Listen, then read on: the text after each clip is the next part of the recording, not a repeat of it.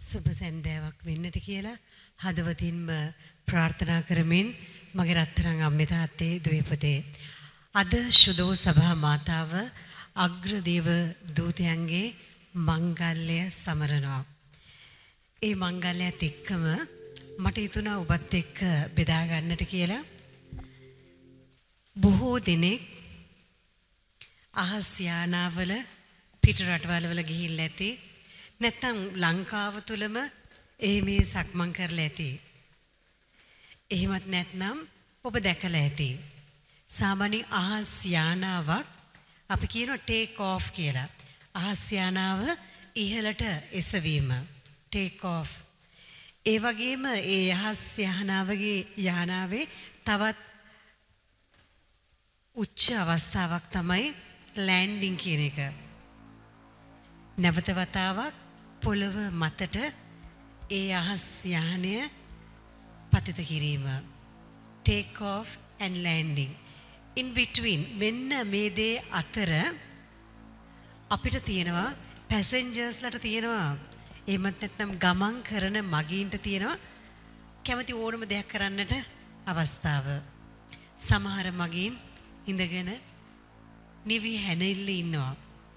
තව සමහර මගින් පොත්පත් කියවනවා. තව සමහර මගින් කණ්ඩ බොණ්ඩ තියෙන දේවල් ඉල්ලගෙන කනවා බොනවා. තවත් සමහර අය දෙපැත්තේ ඉන්න අයත් එක්ක අලුත් සම්බන්ධතාවල් පටන් ගන්නවා. කතා බහ කරලා ගුණාගුණ අහලා අලුත් සම්බන්ධතාවයෙන් පටන් ගන්නවා. මේ ආකාරයට ඇතුලේ ඉඳගෙන මොනවද කරන්න කියන එක තීරණය කරන කරන්නේ මගියා පැසෙන්ජර් එයාට තීරණ ගන්නට choice එකක් තියෙනවා. තීරණ ගැනීමට හැකියාවක් තියෙනවා. ඒ හැම දෙයකම හැකියාව තියෙන්නේ අපිට ස්වාමීන් වහන්සේ දීලා තියෙන ඒ අපිව මෙහෙවන ප්‍රඥාවයි. දැනගැන්මයි දැනුමුතුකමයි. ඉතින් ඒ වගේම තමයි අපි දන්නවා මේ අහස් යානාව යන අතරතුරේදී සමහර මොහොතවල් වලදී ටර්බියුලන්සස් වලට මුහුණ දෙනවා. බය සහගත තත්වයන්ට මුහුණ දෙනවා. එයා පොකට්ස් වලට මුහුණ දෙනවා. ඒ මොහොතවලදී ෆ්ලයිට් එක එහිට මෙහිට කැළඹෙන හරියට නිකන් රළු පොළවක යන වාහනයක් වගේ කැඩිච්ච බිඳිච්ච පාරක යන වාහනයක් වගේ ඇතුළේ ඉන්න අයට දැනෙන්න පටන් ගන්නවා. එතකොට අපිට දැනුම් දෙනවා fasten your seat belt seat belt එක නම් හොඳින් තද කරලා දාගන්න කියලා මතක් කරනවා. මෙන්න මේ වගේ මොහොතවල් අපේ ජීවිතේත් රත්තරන් අම්මේ තාත්තේ දුවේ පුතේ අපි හැමෝම මුහුණ දෙනවා. ඔබත් මමත් අපි හැමෝම මුහුණ දෙනවා. ඒ මුහුණ දෙන අත්දැකීම් තුළ අපි හැම වෙලාවෙම දන්නවා එයා පොකට්ස් වලට හරි ටර්බියුලන්සස් වලට හරි මුහුණ දුන්න කියලා ඒ අහස් යානේ ඉන්න හැම කෙනෙක්ම විනාශ වෙන්නේ නැහැ. ටික වෙලාවක් ගියාට පස්සේ සාමාන්‍ය අතට ඒ කාලගුණය දේශගුණය හරියට පස්සේ ඒ හැම දෙයක්ම හරියනවා. ඉතින් එහෙමනම් මගේ රත්තරන් අම්මේ තාත්තේ දුවේ පුතේ අපේ ජීවිත ගමනත් මෙන්න මේ වගේමයි. මේ කාල පරිච්ඡේදය තුළ අපි හැමෝම නිහඬ කරලා අපිට දේශ සීමාවන් පනවලා තියෙන රටක් හැටියට ලොවක් හැටියට පවුලක් හැටියට පෞද්ගලිකව අපි හැමෝම නවත්තලා තියෙන අත්දැකීම තමයි එහෙනම් මේ පැන්ඩමික් එක මේ ව්‍යසනය. ඉතින් එහෙමනම් ඒ දේ තුළ මගේ රත්තරන් අම්මේ තාත්තේ දුවේ පුතේ අපි මුහුණ දීලා තියෙන්නේ එහෙමනම් තවත් එයාපොකට් එකට ටර්බියුලන්ස් එකකට. ඉතින් එහෙමනම් අපිව පහ කරලා අරින්නට අපිට අපේ ජීවිතයට ෆුල් ස්ටොප් එකක් තියන්නට අපි ඒකට ඉඩ නොදී අපි ජීවත් වෙමු. අපිව ජීවත් කරවන්නට පරිසරයක් හදාගනිමු. එහෙමනම් ඒ ගමන යන්නට ස්වාමින් වහන්සේමයි අපිව ටේක් ඔෆ් කරේ අපේ උපතත් එක්ක. කවදාහරි ලෑන්ඩ් කරන්නට යන්නෙත් උන්වහන්සේ තුලමයි ලෑන්ඩින් එකත් එක්ක. එහෙනම් අතර මග අපිට තමයි අයිති තීරණ ගන්න අභියෝගවලට මුහුණ දෙන්නට. එහෙමනම් අද දවස සූති පූර්වකම ශුදෝ ස්වාමින් වහන්සේට ප්‍රශංසාත්මකව උන්වහන්සේට බාර දෙමු ශුදෝ ස්වාමිනේ අතගහන්න අපි හැමෝගෙම ජීවිත අපිත් එක්ක ඉන්න ස්වාමිනේ අපිව බලවන්ත කරන්න ශක්තිමත් කරන්න ප්‍රබල චරිත බවට අපිව පත් කරන්න ස්වාමිනේ.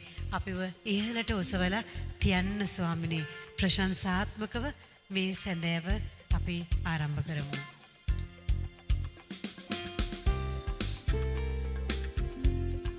ඔබේ හදවතේ තියෙන රිද්මයට අවදි වෙන්නට ඉඩ දෙමු. තියෙන කරදර ප්‍රශ්න ගැටලු ඒ හැම දෙයක්ම පැත්තක තියලා ස්වාමින් වහන්සේත් එක්ක ඒ සතුටින් ප්‍රීතියෙන් යුතුව උන්වහන්සේත් එක්ක අපි බද්ධ වෙමු. ස්වාමිනේ කිසිදා නෑ.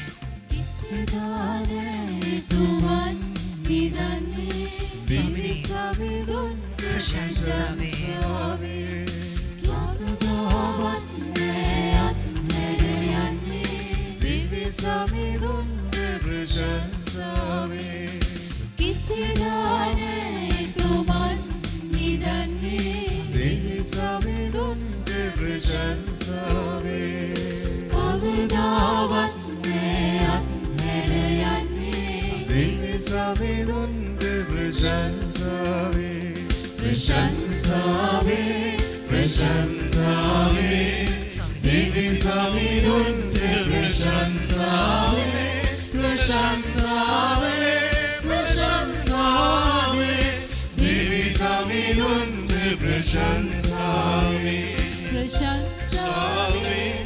ප්‍රශංසාවේ දිව්‍ය සමිඳුන්ට ප්‍රශංසාවේ ප්‍රශංසාවේ ප්‍රශංසාවේ දිව්‍ය සමිඳුන්ට ප්‍රශංසාවේ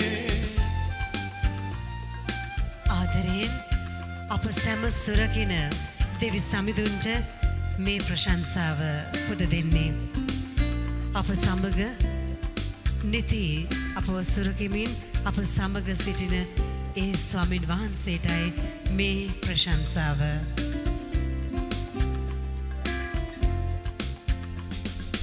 ආදරයෙන් අප සැම සුරකින්නේ. දිව්‍ය සමිඳුන්ට ප්‍රශංසාවේ.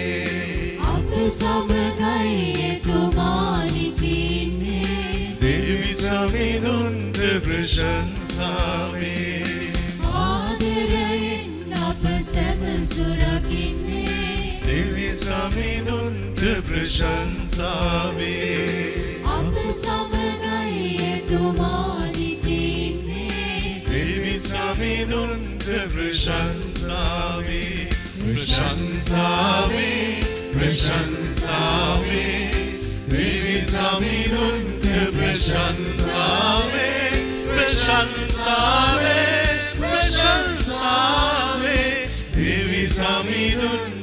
preșansave, Devi Saminun te preșansave, Devi Saminun te Devi Saminun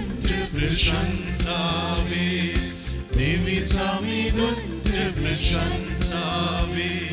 Devi Saminun te preșansave, ප්‍රශංසාවේ ස්තුතියි ස්වාමිනේ ස්තුතියි ස්වාමිනේ වහන්සේට ප්‍රශංසා කරනවා ඔබ වහන්සේගේ ආදරයට ඔබ වහන්සේගේ මඟ පෙන්වීමට ඔබ වහන්සේගේ මෙහෙවීමට අපි ඔබ වහන්සේට ස්තුති කරනවා ස්වාමිනේ ඔබ වහන්සේ අපගේ ජීවිතවල දක්වන සෙනෙහසට ඔබ වහන්සේගේ ඒ කරුණා බරිත දෑත වෙනුවෙන් අපි ඔබ වහන්සේට ප්‍රශංසා කරනවා ස්වාමිනේ මා මාර ආදරය ඕ ස්වාමිනේ මා කරබලා තේ තොලොතා සිකල මකල බෙරෝරි හිරිබිලා සෙහි බෝබ බලත් කොම චකලා බරත්තලානේ එක්කො බිකෝබි එක්කො බිකෝබි විතාලා බචල්ලා මා තොලො බිලාරෝ එක්කො මිකුෂි බිකාර දරොදි දිවිචලානියා ඒ ආශිර්වාද ඔබ වහන්සේ ගලාගෙන සලස්සන නිසා ඒ වරප්‍රසාදය තුල අපගේ ජීවිතයන් නිදහස් කරන නිසා ඔබ වහන්සේට සම්පූර්ණයෙන්ම ඒ අයිතිය පවරනවා ස්වාමිනේ මෙතුවක් කල වහන්සේ අපිව අරගෙන ආවා අපිව කරේ බේදයාගෙන ආවා. ඔබ වහන්සේ අපේ දුර්වලකම හඳුනගත්තා. අපේ අඩුපාඩුකම් හඳුනගත්තා. අපේ පරිභාවය හඳුනගත්තා. අපේ හැකියාවය හඳුනගත්තා. ඒ මාවත් ඔබ වහන්සේ විවර කරා. ඒස වහන්සේ ස්තුතියි ස්වාමිනේ. ප්‍රශංසා කරනවා ස්වාමිනේ. මෙතුවක්කල් සුපුවත් හරන ඔබ වහන්සේ අරගෙන ආපු මේ ගමන වෙනුවෙන් ස්තුති කරනවා ස්වාමිනේ. ඒ සියලුම ගෞරවයන් මහිමයන් ඒ සියලුම ප්‍රොජෙක්ට්ස් වලටද ඒකට දායක වුණු සියලුම දෙනා වෙනුවෙන්ද ඔබ වහන්සේට ස්තුති කරනවා ස්වාමිනේ. ප්‍රශංසා වේවා ස්වාමිනේ. ප්‍රශංසා වේවා ස්වාමිනේ. දෙවි සමිඳුන්ට ප්‍රශංසාවේ. ආමේන්. ආමේන්. වඩිවන්න. මප්‍රිමුවන්ත සහෝදර සහෝදරයනි දරුදැරියනි. ඕනෑම කෙනෙකුට බැලූ බැල්මට මිනිස්සුන්ගේ හැඩරුව මිනිස්සුන්ගේ චර්යාව මිනිස්සුන්ගේ ගති පැවතුම් පේන්න පටන් ගන්නවා. එතකොට කවුරු හරි ඇහැව්වොත් ජෝසප් තල්වත්ත කියන්නේ කවුද කියලා එක පාටම ජෝසප් තල්වත්ත කියන ජෝසප් තාත්තගේ හැඩරුව ඔහුගේ ගති පැවතුම් ඔහුගේ චර්යාව ඕනෑම කෙනෙකුට මතක් වෙනවා. එතකොට ඈත ඉඳලා බල්ලා කියාවි ඒනං ඉන්නේ හිටගෙන ඉන්නේ ජෝසප් තාත්තා කියලා. එහෙම කියන්න පුළුවන්කමක් තියෙනවා මිනිස්සුන්ට අත්දැකීමත් එක්ක. ඩැරල් කියන්නේ කවුද කියලා ඇහුවොත් එක පාටම කියන්න පුළුවන් වේවි මෙහෙම හැඩරුවක් තියෙන මෙහෙම චර්යාවක් තියෙන මෙහෙම ගති පැවතුම් තියෙන කෙනෙක් තමයි ඩැරල් කියලා කියන්නේ කියලා කියාවී. දැන් එතකොට මිනිස්සුන් දන්නේ ගොඩක් වෙලාවට එච්චරයි. දිග පළල උස මහත ඒ ගැඹුර සහ කරන ක්‍රියාව විතරයි දකින්නේ. නොදකින්න පැත්ත මොකක්ද නොදකින පැත්ත. ජෝසප් තාත්තයි දෙවියන් වහන්සේ අතර තියෙන ඒ බැඳීම ඒ සම්බන්ධතාවය ඒ එකඟතාවය ඒ තිබෙන ආත්මීක ශක්තිය කිසිම දවසක කාටත් පේන්නේ නෑ. එනිසා මිනිස්සු ගොඩක් වෙලාවට තීන්දු කරන්නේ එලියේ තියෙන පේන හැඩරුව ක්‍රියාව තුළ විතරයි. ස්පිරිචුවල් පවස් කියන්නේ මොනවද කියලා ගොඩක් වෙලාවට මිනිස්සු අත්දකින්නේ නැහැ ස්පිරිචුවල් පවස්. මම ස්වාමි කෙනෙක් වශයෙන් පුංචි කාලේ ඉඳලම මේ ගෙදර ඉන්න කාලේ මන් දැක්කදේ තමයි අම්මා කවුරු හරි අසනීපයි කියලා දැනගත්ත ගවම්ම යක්ඥා කරනවා. ඔළුවට අත තියලා යාඥා කරනවා. මං චූටි කාලේ දැක්කා. මිනිස්සුන්ට යාඥා කරනවා දැක්කා. මට මතකයි එක්තරා දවසක ටෙරන්ස් පෙරර පියතුමා මට කියනවා ෆාද ඩැරල් මම හරියට සන්තෝස වුණා. මගේ ජීවිතේ මෙහෙයක් කරන්න ආපු වෙලාවේ මෙහෙ ඉවර වෙලා ගියාම ඔගොල්ලන්ගේ අම්මා මගේ ඔළුවට අත තියලා යාඥා කරලා නේ ඔළුවට තුන් පාරක් පිම්බා.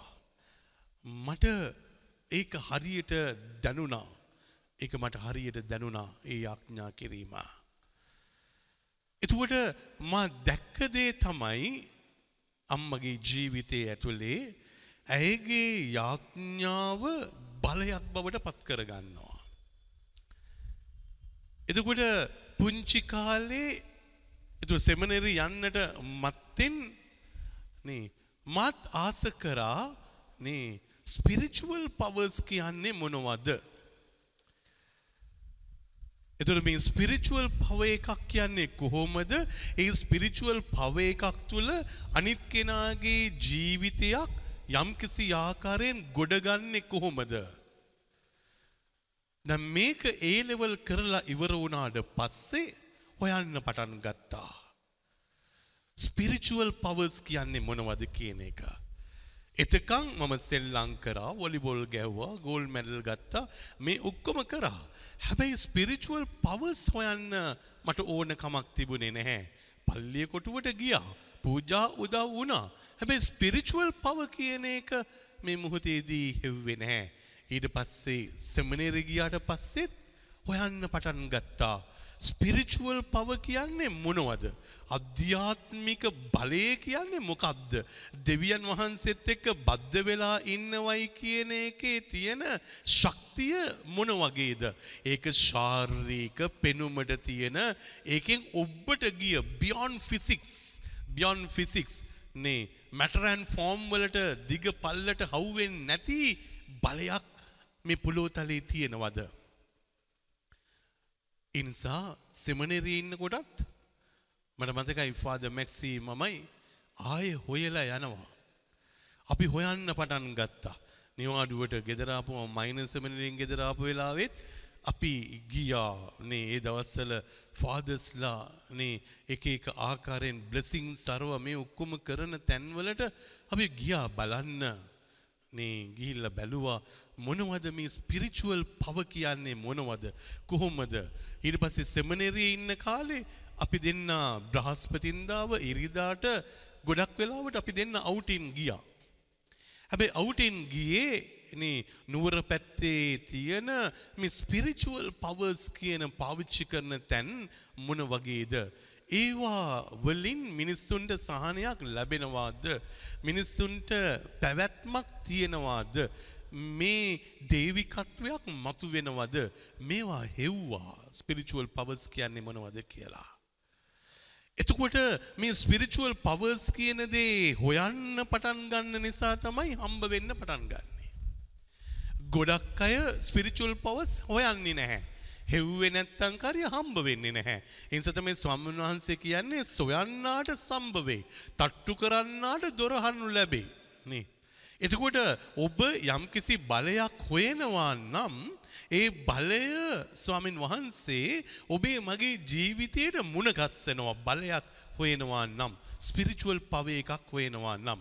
ඔබ නිකමට හිතල බලන්න නේ කුඩු හොයන කෙනෙකුට කුඩු හම්බ වෙනවා.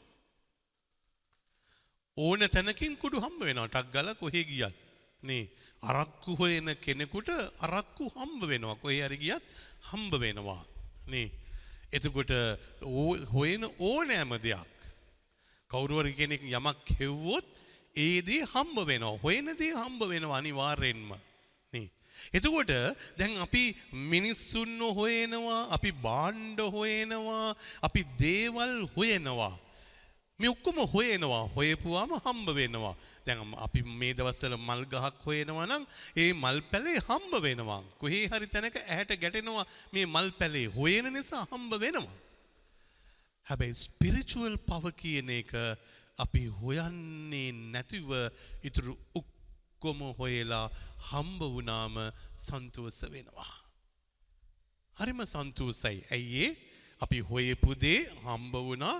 දැන් නේ අපිට ඒක පෙන්නන්න පුළුවන්. හැබැයි ස්පිරිචුවල් පවර්ස් පෙන්නන්න විදියක් නෑ. කොහොමද පෙන්න්නන්නේ ස්පිරිචුවල් පවර්ස් කියන එක නේ ඉතින් ඒ නිසා එක පෙට්ටියක දාලා පෙන්නන්නත් බැහැ. ඉස්සර හැන්තියල පෙන්නන්නත් බැහැ. ෂෝකේස්සේක දාලා පෙන්නන්නත් බැහැ. ස්පිරිචුවල් පවර්ස් පෙන්නන්නට බෑ. එනිසා අධ්‍යාත්මික ශක්තිය කියන දේ ඔබේ මගේ ජීවිතයේ තුළ වර්ධනය කර ගත්තොත් එතනදී ඔබේ මගේ ජීවිතයට දෙවියන් වහන්සේගේ මඟ පෙන්වීම උන්වහන්සේගේ වැඩ සිටීම උන්වහන්සේගේ දූතයන්ගේ මැඩසි වැඩ සිටීම මේ ඔක්කෝම දැනෙන්න පටන් ගන්නවා. එදාට ඔබ ඇසුරු කරන අය කතා බහ කරනකොට ගමන් බිමන් යනකොට මේ හැම කෙනාවම ඔබට දැනෙන්න පටන් ගන්නවා. එනිසා නේ ඔබට පේනවා ඔබට දැනෙනවා දැන් නේ මට මතකයි නේ මං ඉරිසර ඔබට කියලා තියෙනවා එක්තරා කාලයක එක දවසක් මන් රට ගිහිල්ලා එනකොට නේ ගෙනල් මාව එක්කරගෙනාව යාපෝට් එකෙන් මට මතකයි ජෝසප් තාත්තත් හිටිය එතන තවත් කවුරුම ජෝසප් තාත් ඇවිල්ලා හිටිය මාව ගන්න. ඉතින් වාහනෙන් ගේට්ටුව ගාව බහිනකොට නේ බයිස්කලයක දෙන්නෙක් ඉන්නවා. කා- ගෑනු කෙනෙකුයි පිරිමි කාන්තාවකුයි අ, පිරිමි කෙනෙකුයි ඉන්නවා. ඉන්නකොට හැබැයි නිකම් පේන්නේ නෑ ඒගොල්ලෝ දෙන්නව. ඒගොල්ලෝ දෙන්නව පේන්නේ සුපුවත් අරණෙන් සොරකම් කරන දෙන්නෙක් වශයෙන් තමයි පේන්නේ. එතකොට සොරකම ඒ වෙලාවෙ කරලාද කියලා ඇහුවත් නැහැ. හැබැයි සොරකම් කරනවා පේනවා. සොරකම් කරනවා පේනවා. නේ.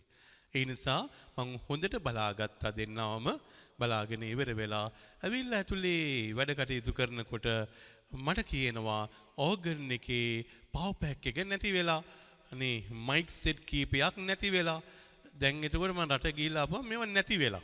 ඉතින් ඩිහාන් තාත්තා මට කියනවා මෙහෙම මේවා දේවල් ටික දැන් නැති වෙලා. ඇත්ත. හැබැයි නේ මං ඒගොල්ලන්ට කිව්වා මම මෙහෙම දෙන්නෙක් දැක්කා නේ කියලා. ඊට පස්සේ මේගොල්ලෝ මොකද කරේ ගත්ත දේවල් අරගෙන ගිහිල්ලා වික්කා. නේ විකුණන කොටත් නේ විකුණලා තියෙන්නේ මං අඳුරන කෙනෙකුට තමයි විකුණලා තියෙන්නේ. ඒතර වික්කට පස්සේ එකෙන් මයික්ස් ටික වික්කා එතනට පවර් පැක් එක වෙන කොහේ හරි අරගෙන ගියා. එතුට ආයෙත් නේ ආරංචි වෙනකොට එගුළු ගාව එක තියෙනවයි කියලා මං ඇහැව්වා නේ කොන්්ඩෙ කොඩට කපපු අහවල් කෙනා නේ මේ වගේ බයිස්කලයකින් ගැමිල්ලද මේවත් දුන්නේ. එතුර කිව්වා ඔව් නේ එතුකට මං කිව්වා දිහන්ලට කිව්වා දිහන් තාත්තලට ඊළඟ දවස්සෙත් ආයේ ඒවී ආපුවාම පොඩ්ඩක් අල්ලගෙන කතා කරන්න. අහල බලන්න ඒවට මොකද වුණේ කියලා. අම්මි තාත්ති පුතේ දුවේ නේ ඔබ ඔබගේ ජීවිතයේ ඇතුලේ ඕන කරන මොහොතක් එනවනේ. ඒ ඕන කරන මොහොතේදී අර ස්පිරිචුවල් පවර්ස් ටික ඔබට ප්‍රයෝජනවත් වෙන්න පටන් ගන්නවා. ස්පිරිචුවල් පවර්ස් ඔබට ප්‍රයෝජනවත් වෙනවා. ඒ නිසා මනුස්ස මට්ටම තුල සමහර වෙලාවට ඒවා නේ හැම වෙලාවෙම කියලා පෙන්නන්න මේක මගේ ස්පිරිචුවල් පව එකක් අරක ස්පිරිචුවල් පව එකක් නැහැ. අධ්‍යාත්මික ශක්තිය කියන දේ හරිම පුදුමාකාරයි.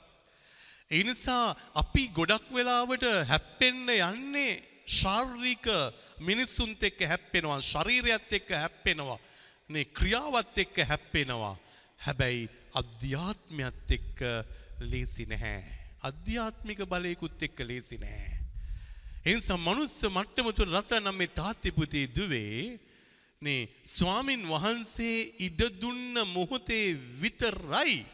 ජේස්වාමින් වහන්සේ ඉඩ දුන්න මොහොතේ විතරයි පුළුවන් වනේ ජෙත්සමනයේදී අත්වලට නේ අගුළු දාලා සිරකරුවෙක් වගේ අරගෙන යන්න.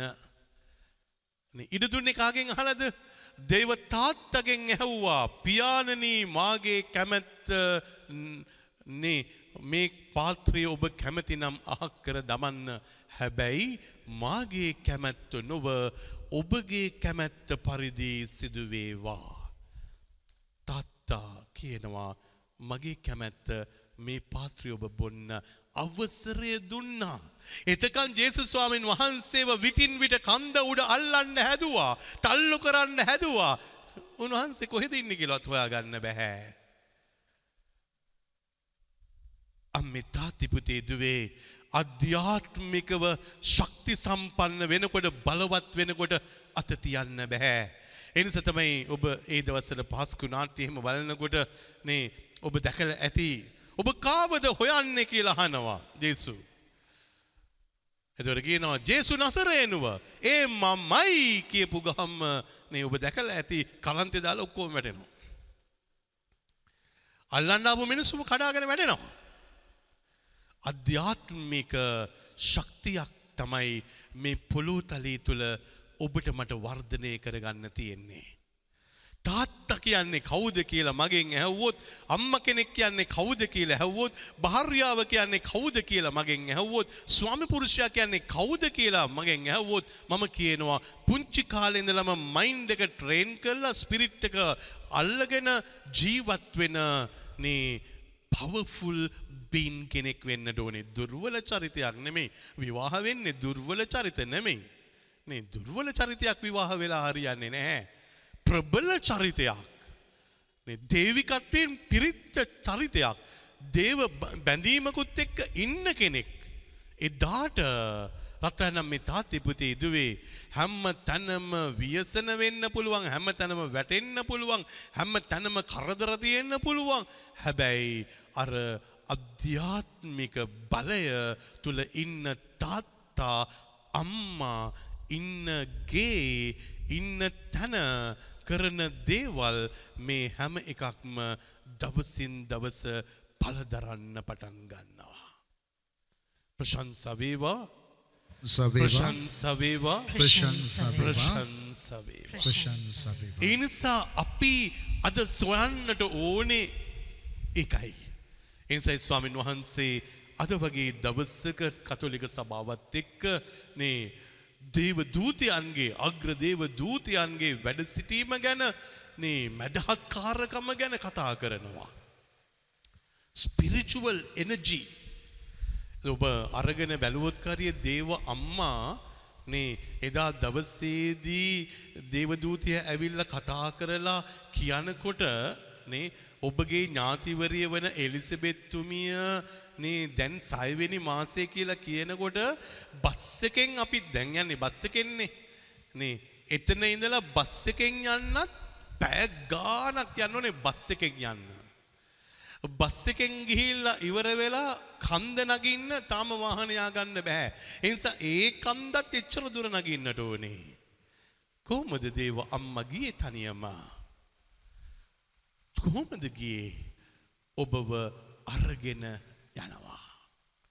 අධ්‍යාත්මික බලයක් අධ්‍යාත්මික ශක්තියක් ලැබුණට පස්සේ ජර්නි එක අරගෙන යනවා. යා යුතු තැනට අරගෙන යනවා. මහන්සියකින් තොරව අරගෙන යනවා. වේදනාවකින් තොරව අරගෙන යනවා. කරදරයකින් තොරව අරගෙන යනවා. අධ්‍යාත්මික බලයක් ඔබ අයිති කරගත්තුත්.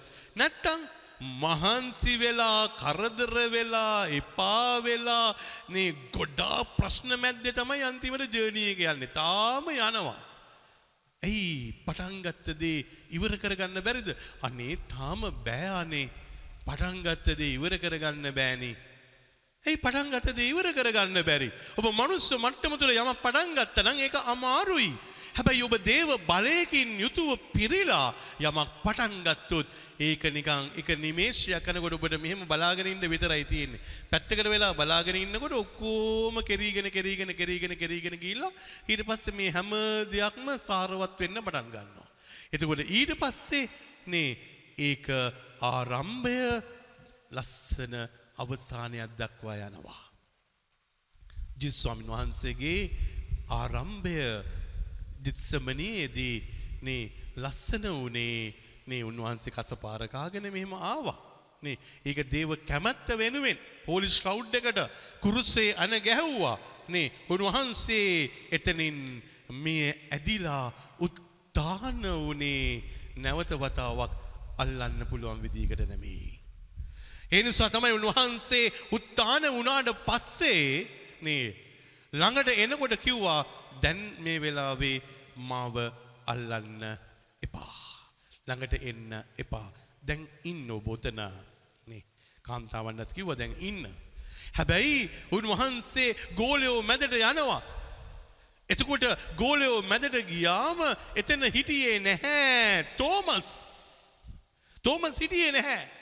තෝමස් කියනවා මම නම් මේ ජේසුව විශ්වාස කරන්නේ උත්තාන වුණා කියලා අපි අතරට වැඩම කරා කියලා ඔහුගේ අතේ මේ වන කැලල් වලට මම ඇඟිලි දාලා ඇලයට ඇඟිලි දාලා බැලුවොත් විතරයි කියලා කියනවා.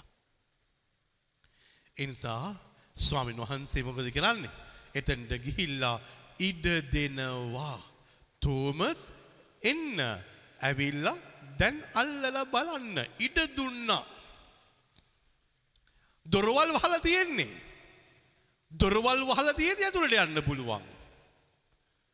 ඒ නිසා අධ්‍යාත්මික බලයක් ඔබේ මගේ ජීවිතේ ඇති කරගන්න ඇති කරගන්න මේ මොහොතේදී බාධකය ආශිර්වාදයක් බවට පත්වෙනවා.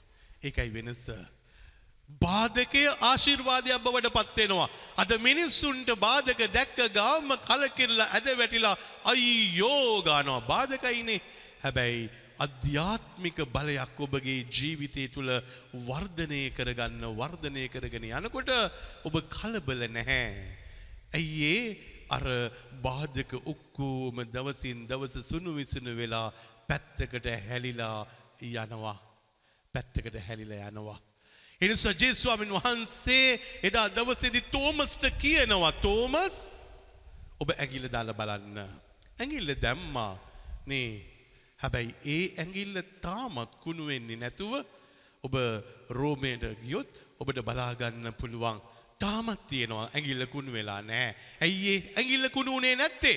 අධ්‍යාත්මික බල්ලගතුව උත්තාන වුණ ස්වාමින් වහන්සේගේ ශරීරය තුළට දාපු ඇගිල්ලක්. එකයි වෙනස. අධ්‍යාත්මික බලයක් අධ්‍යාත්මික ශක්තියක් ඇතිකර ගත්තොත් එතනදී රත්‍ර නම් මේ තාත්්‍යපුතේ දුවේ මහා නිර්මාණයක් ඇති වෙනවා. පුතුම නිර්මාණයක් ඇති වෙනවා. එතන සිතුවිලි නිර්මාණ බවට පත්වෙනවා. වචන නිර්මාණ බවට පත්වෙනවා. මෙ වටපිටේ ඉන්න හැම්ම දෙයක්ම වෙනස් වෙන්න පටන් ගන්නවා. තාත්තා අම්මා අධ්‍යාත්මික බලයකට ඇතුල් වුණොත් මුළු පරිස්සරේම වෙනස් වෙනවා. අපි අද අධ්‍යාත්මික බලයකට ඇතුල් වෙනවට වඩා. අපි කියන්නට යනවා මම මෙච්චරක් එකතු කරා. දැන් මේ එකතු කරපු දේවල් තියෙනවා. මම මෙච්චරක් හම්බ කරා. හම්බ කරපු දේවල් තියෙනවා. මම මෙච්චරක් ගොඩ නැගුවා. ගොඩ නගපු දේවල් තියෙනවා. හැබැයි මේ ඔක්කොම වටිනාකමක් දෙන්නේ නැහැ. ටික දවසක් යනකොට වටිනාකමක් නැති දේවල් බවට පත් වෙලා අධ්‍යාත්මික ශක්තියක් ඔබේ ගේ ඇතුලේ තැම්පත් කරගත්තොත් ඒ ගෙදරට අවිල්ල අඩිය තියෙන හැම කෙනෙක්ම කියාවී මොකද්දෝ වෙනසක් තියෙනවා. මේ ගෙදරට ආපු වෙලාවේ ඉඳලා ලොකු ශාන්තියක් තියෙනවා. ඔබත් එක කතා කරාට පස්සේ ලොකු සැනසීමක් තියෙනවා. මොකද්ද වෙනස? මේ ඇටලේ මස්ද නැහැ.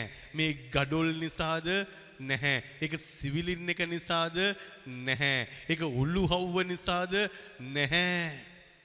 ස්පිරිචුවලි එම්පවර්ඩ් පර්සන් කෙනෙක් වෙන්නට ඕනේ.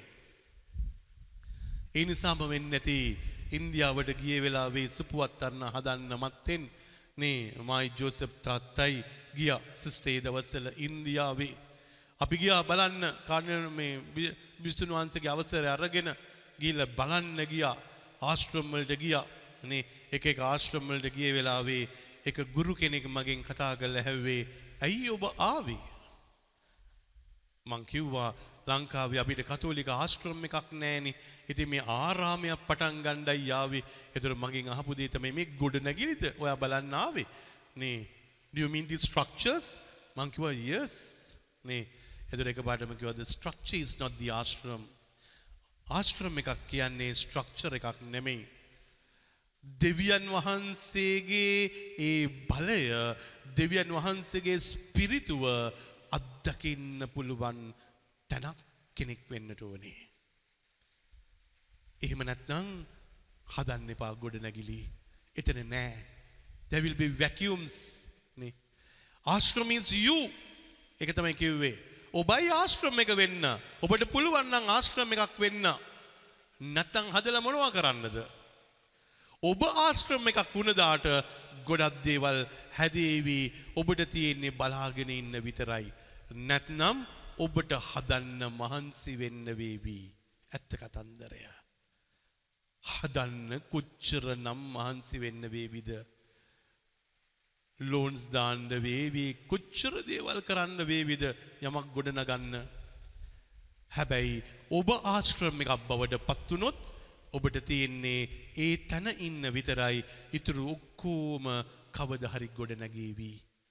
තාත්තා ආශ්‍රමයක් වෙනකොට අම්මා ආශ්‍රම එකක් වුණොත් ගෙදර ඉන්න පුතා දුව ආශ්‍රම එකක් වුණොත් භාර්යාව ස්වාමි පුරුෂයා ආශ්‍රම එකක් වුණොත් එතනදී මොකද වෙන්නේ වරප්‍රසාද ගලාගෙන එන තැනක් බවට පත්වෙනවා. දීමනාවන් ගලාගෙන එන තැනක් බවට පත්වෙනවා. ආදරේ කරුණාව දයාව සෙනෙහස එකට අවශ්‍ය කරන වැඩකරුවන් මේ හැම්ම කෙනෙක්ම නිරන්තරයෙන්ම නිකම්ම ගලාගෙන එනවා විතරයි. ඒ ගලාගෙන එන මිනිස්සුන්ට ආදරය කරන්න විතරයි තියෙන්නේ. එච්චරයි තියෙන්නේ ඔබට එන්න මිනිස්සුන්ට ආදරය කරන්න. මොකද ඒ ගලාගෙනේම ස්වාමින් වහන්සේ සලස්සනවා. ඒ නිසා ස්වාමින් වහන්සේ මතේතුමාගේ සුවිශේෂයේ ඉතාමත් පැහැදිලිවම කියනවා මොනවද එකොළොස්වනි පරිච්ඡේදයේ විසි පස්වනි වගන්තිය ඉඳලා මෙහෙම කියනවා.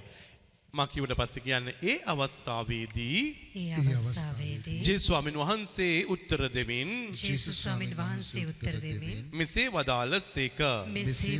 ස්වර්ගයටත් ස්වර්ගයට පොළවටත් පොළවට ස්වාමින් වන පියාණන් වහන්ස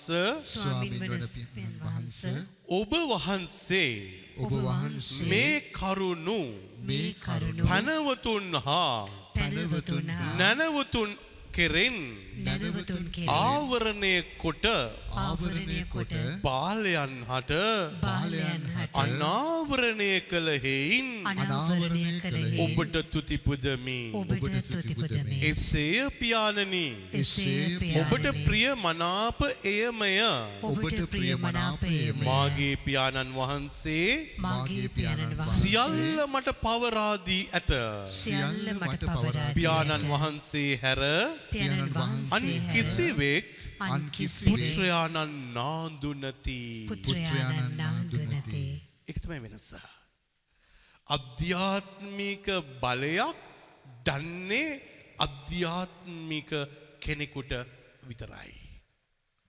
වෙන කිසිම කෙනෙකුට අය හොයාගන්න බෑගුලන්ට පුළුවන් වෙන්නේ නේ මේ මුහොතේදී ඉරේෂන් කියලා කියාවී. ඉරේෂන්ව දකීවී.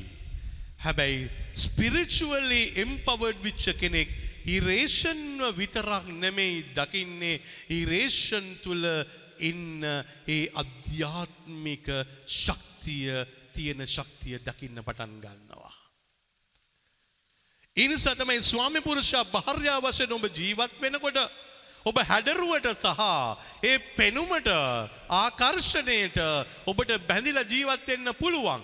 හැබැයි ටික කාලයක් ගියාට පස්සේ ඊට වඩා වෙනත් ආකර්ෂණයක් එනකොට වෙනත් වඩා ඊටත් වඩා ඇල්මක් ඇති වෙනකොට එතන අර තිබිච්ච ආකර්ෂණය ඉවරයි. එතන තිබිච්ච බැඳීම ඉවරයි. එතන තිබිච්ච ලෙන්ගතුකම ඉවරයි. එතන තිබිච්ච සම්බන්ධතාවය ඉවරයි. ඇයි ඒ? ඒක ආකර්ෂණයක්. ඒක ඇට්‍රැක්ෂන් එකක් විතරයි. කාලයට මොමෙන්ට්‍රී කාලයෙන් කාලට වෙනස් වෙනවා. හැබැයි භාර්යාව ස්වාමි පුරුෂයා අධ්‍යාත්මික බලයකින් පිරිච්ච අය නම් එතන තියෙන්නේ දැක්කම කියනවා ගොඩක් අය මොනවද කියන්නේ? ඔය කපල් එක නම් හරිම ලස්සනයි යන්නේ. ඔය කපල් එක හරිම ලස්සනයි. ඔගොල්ලන්ගේ නේ ස්වාමි පුරුෂයා භාර්යාව වශයෙන් නේ හරිම වටිනා දෙන්නෙක් ඔගොල්ලෝ දෙන්න. ඔගොල්ලෝ දෙන්න නියමට මැච් වෙනවා. සමහර අයට කියනවා ඔබ නියමට මැචිං නේ ඔබ නියමට මැචිං නේ. ඇයි මැච් වෙනවයි කියලා කියන්නේ? ඒක මේ උස මහත දිග පළල වර්ණය ඒකට නෙමෙයි මැච් වෙනවයි කියලා කියන්නේ. අධ්‍යාත්මික ඇහැකින් බලපු ගමම්ම පේනවා මේගොල්ලෝ ශරීර කූඩු දෙකකට වඩා ඊට වඩා බලගතු ආලේපයක් තුළ එකතු වෙලා ඉන්න දෙන්නෙක්. ශරීර කූඩුවක් තුළ එකතු වෙච්ච දෙන්නෙක් නෙමෙයි. අද ගොඩක් වෙලාවට රටන මේ තාත්තේ පුතේ දුවේ අද එකතු වෙන්නට යන්නේ ශරීර කූඩු එකතු වෙන්න හදනවා. ශරීර කූඩු එකතු වෙලා මොනවද කරන්න පුළුවන්. ශරීර කූඩු එකතු වුණාම බැනගන්න වේවි. ශරීර කූඩු එකතු වුණාම සණ්ඩු කරන්න වේවි. ශරීර කූඩු එකතු වුණාම ගහගන්න වේවි. ශරීර කූඩු එකතු වුණාම දෝෂාරෝපණය කරන්න වේවි. මොකද ශරීර කූඩු දෙකක් එකට එකතු වෙලා. අධ්‍යාත්මයා ඊට වඩා වෙනස්. ස්පිරිචුවල් පවස් ඊට වඩා වෙනස්. ඊට වඩා වෙනස්. ඇයි ඒ අධ්‍යාත්මික බලයක් තුළ එකතු වෙනකොට ශස්ත්‍රීකත්වය මතු වෙනවා ආදරය උපතිනවා නේ ආත්මික බැඳීම මතු වෙනවා සණ්ඩු සරුවල් නැතුව යනවා ආගියුමන්ස් නැතුව යනවා වේදනාව නැතුව යනවා කලකිරීම නැතුව යනවා තෙහෙට්ටුව නැතුව යනවා සම්පූර්ණයෙන්ම ඒ ඔක්කෝම පලා ගිහිල්ලා අර බැඳීම අභ්‍යන්තරික ශාන්තියක් බවට පත් වෙනවා. කතා කරත් ශාන්තියයි බැලුවත් ශාන්තියයි වැඩ කරොත් එකඟතාවයයි. නැත්නම් වැඩ කරනකොට එකඟතාවයක් නැහැ අරග කරමුයි කියනවා මේක කරමුයි කියනවා ඔයාට ඕඩන් එක කරගෙන යන්න කියනවා. දැම් බලන්න ගියම පටන් ගත්තේ දෙන්නම එකඟ වෙලා. හැබැයි මැදට යනකොට එතන විරසක වීමක්. ආත්මික බැඳීමක්. ආත්මික ශක්තියක් ඕනේ. ඒ නිසා ජේසුස් ස්වාමීන් වහන්සේ කියනවා You are not going to understand me. ඔබට මාව තේරුම් ගන්න පුළුවන් වෙන්නේ නැහැ. මොකද දේව තාත්තා මාව තේරුම් ගනීවි. දේව තාත්තා දන්නවා පුතා කියන්නේ කවුද? අධ්‍යාත්මික බලයකින් පිරිච්ච මේ ජේසු කියන්නේ කවුද කියන එක දේව තාත්තා දන්න නිසා ඔහුට දන්නවා මේ මොහොතේදී ජේසු කියන්නේ කවුද කියලා. ඊට පස්සේ එතනින් එහාට ලොකු බලයක් ගැන කතා කරනවා මොනවද කියන්නට යන්නේ? වෙහෙසු වන වේසවන පරූසුලන පරඋසුලන සියල්ලෙනි සියල්ලෙනි මා වෙත එන්න. මා වෙත එන්න. එතකොට දැන් මෙන්න මිනිස්සුන්ගේ ජීවිතවලට කතා කරන්නට යනවා. කවුරු වශයෙන්ද කතා කරන්නේ වීක් බීන් කෙනෙක් වශයෙන්ද නැහැ. පවෆුල් බීන් කෙනෙක් වශයෙන් තමයි කතා කරන්නේ. ස්පිරිචුවලි එන්රිච්මන්ට් එකක් තියෙන කෙනෙක් වශයෙන් තමයි කතා කරන්නේ. මේ නිකන් ආවට ගියාට හරි ඕකේ දැන් අපි කරමු එහෙම නෙමෙයි මෙතන ලොකු දේව සැලස්මක් තුළ පොළවට අධිපති නේ අහසට අධිපති වෙන දෙවියන් වහන්සේට හඳුනන කෙනෙක් දෙවන් වහන්සේ හඳුනන කෙනෙක් තමයි දැන් අඬ ගහන්නේ. නිකං කෙනෙක් අඬ ගහන්නේ නැහැ. ඒ නිසා බලන්නට ඕනේ ස්වාමි පුරුෂා භාර්යාව දෙවියන් වහන්සේ තුල ඉඳගෙනද භාර්යාවට කතා කරන්නේ. දෙවියන් වහන්සේ තුල ඉඳගෙනද ස්වාමි පුරුෂයාට කතා කරන්නේ. දෙවියන් වහන්සේ තුල ඉඳගෙනද සේවකයෙකුට කතා කරන්නේ. දෙවියන් වහන්සේ තුල ඉඳගෙනද සමාජයට කතා කරන්නේ. දෙවියන් වහන්සේ තුල ඉඳගෙනද නේ. ඒක රිචුවල් එකක් නෙමෙයි. මම විශ්වාස කරන්නේ මේ රිචුවල් එකේදී දකීවි නේ ඩරල් කියන පුද්ගලයා මේ ගාමන්ට් එකක් දාගෙන ඉන්නවා. තවත් මෙතන පියතුමෙක් ඉන්නවා නම් කවුරු හරි එක්කෙනෙක් ඉන්නවා නම් එයාගේ වෙස්මන්ට් එක ගාමන්ට් එක මේ ඔක්කොම දකිවි. මේ ඔක්කොම අපේ ඒ ආවතේව කරන්න පළඳින දේවල් විතරයි. ස්පිරිචුවල්ටි කියන්නේ මේ ඇඳුම නෙමෙයි. එතරින් ඔබට ගිය අධ්‍යාත්මික බැඳීමක් අධ්‍යාත්මික ලිංක් එකක් අධ්‍යාත්මික ශක්තියක් මේක තමයි ඔබේ මගේ ජීවිතයට කවද හරි වර්ධනය කරගන්නට ඕනේ. ඒක මේ ප්‍රකෝප කරන එකක් නෙමෙයි. ඒක අවස්සන එකක් නෙමෙයි. ඒක නේ ඇවිස්සිලා තියෙන දේවල් සංසුන් කරන්න පුළුවන් එකක්. ඇවිස්සිලා තියෙන තැනක්. වැටිලා තියෙන මොහොතක් කලකිරලා තියෙන මොහොතක් බින්දුවේ ඉන්න මොහොතක හෙමින් සීරුවේ ඒ පහස දෙන්න පුළුවන් මොහොතක්. ඒ නිසා තමයි රත්න නම් මේ තාත්තිපුති දුවේ අධ්‍යාත්මය කියන දේ හරිම වෙනස්. මේක විවාහ ජීවිතේ ඇතුළට ගෙනාවොත් ඒක සමාජයට ගෙනාවොත් ඒක ව්‍යාපාරයට ගෙනාවොත් අධ්‍යාත්මිකත්වය ස්පිරිචුවල්ටි නැතැන් ස්පිරිචුවල් පවර්ස් කියන දේවල් ගෙනාවොත් එතන තමයි ශක්තිමත්වය නින සස්වාමින් වහන්සේ කියනවා වෙහෙස නම් මේ මුහොතේදී ඔබ වෙහෙසත් එක්ක හැප්පෙන්න යන්න එපා. ඔබට මහන්සී නම් මහන්සියත් එක්ක හැප්පෙන්න යන්න එපා. නේ. ඔබට දරාගන්න බැරි තනම් මේ කාලේ බරයි නම් ඒකත් එක්ක හැප්පෙන්න යන්න එපා. දැන් අපි මොකද කරන්නේ? දැන් කරන දේ තමයි මහන්සියත් එක්ක හැප්පි හැප්පි ඉන්නවා. නේ? මහන්සියට හැප්පෙනවා. මහන්සියත් එක්ක තමයි අරගල කරන්නේ. වේදනාවත් එක්ක අරගල කරනවා. වේදනාවත් එක්ක හැපි හැපි ඉන්නවා. කොච්චර කාලයක්ද? උදේ හවා දහ රැට හැම වෙලාවෙම මොකක්ද එක්කද ඉන්නේ? වේදනාවත් එක්ක ඉන්නේ. අපි හැප්පෙනවා අපි මෙනෙහි කරනවා ඒක භාවනා කරනවා ඒක තුලටම යනවා අඬනවා දොඩනවා හිර කරගන්නවා ඇයි ඒ? ඒක ඇතුලේ ඉන්නේ වෙහසක් ඇතුලේ ඉන්නේ තෙහෙට්ටුවක් ඇතුලේ ඉන්නේ කලකිරීමක් ඇතුලේ ඉන්නේ පරාජිත අත්දැකීමක් ඇතුලේ ඉන්නේ. අධ්‍යාත්මික බලය කියන්නේ ඊට වඩා වෙනස්. ඒ තෙහෙට්ටුව ආපුවාම ඒක හිමින් සිරුවේ ගසලා කියනවා. දැන් ඒ ඒව ඕන්නේ ඒව ඕන්නේ ඒව ඕන්නේ ඒව ඕන්නේ ඒව ඕන්නේ නේ. ඇයි ඒ? ඒව මොනක්වත් ඕන්නේ නැහැ. එතකොට ඒව ඔක්කොම අයින් කරලා දාන්නට ඕනේ. වේදනාවක් ආව වේදනාව අයින් කරා. ප්‍රශ්නයක් ආව ප්‍රශ්නය අයින් කරා. කරදරයක් ආව කරදරය අයින් කරා. නේ ඇද වැටීමක් තිබුණා ඒ ඇද වැටීම අයින් කරා. අධ්‍යාත්මය. ස්පිරිචුවල් පවර් ඒක අල්ලගත්ත ගාම ස්වාමීන් වහන්සේ කියනවා ඔබට වෙනස් කරන්න බැරි දේ ඔබට දරන්න බැරි දේ ඔබට හැන්ඩල් කරන්න බැරි දේ මගේ අතට දෙන්න. දැන් අපේ දුක කියනවා. දැන් අපේ ප්‍රශ්න කියනවා.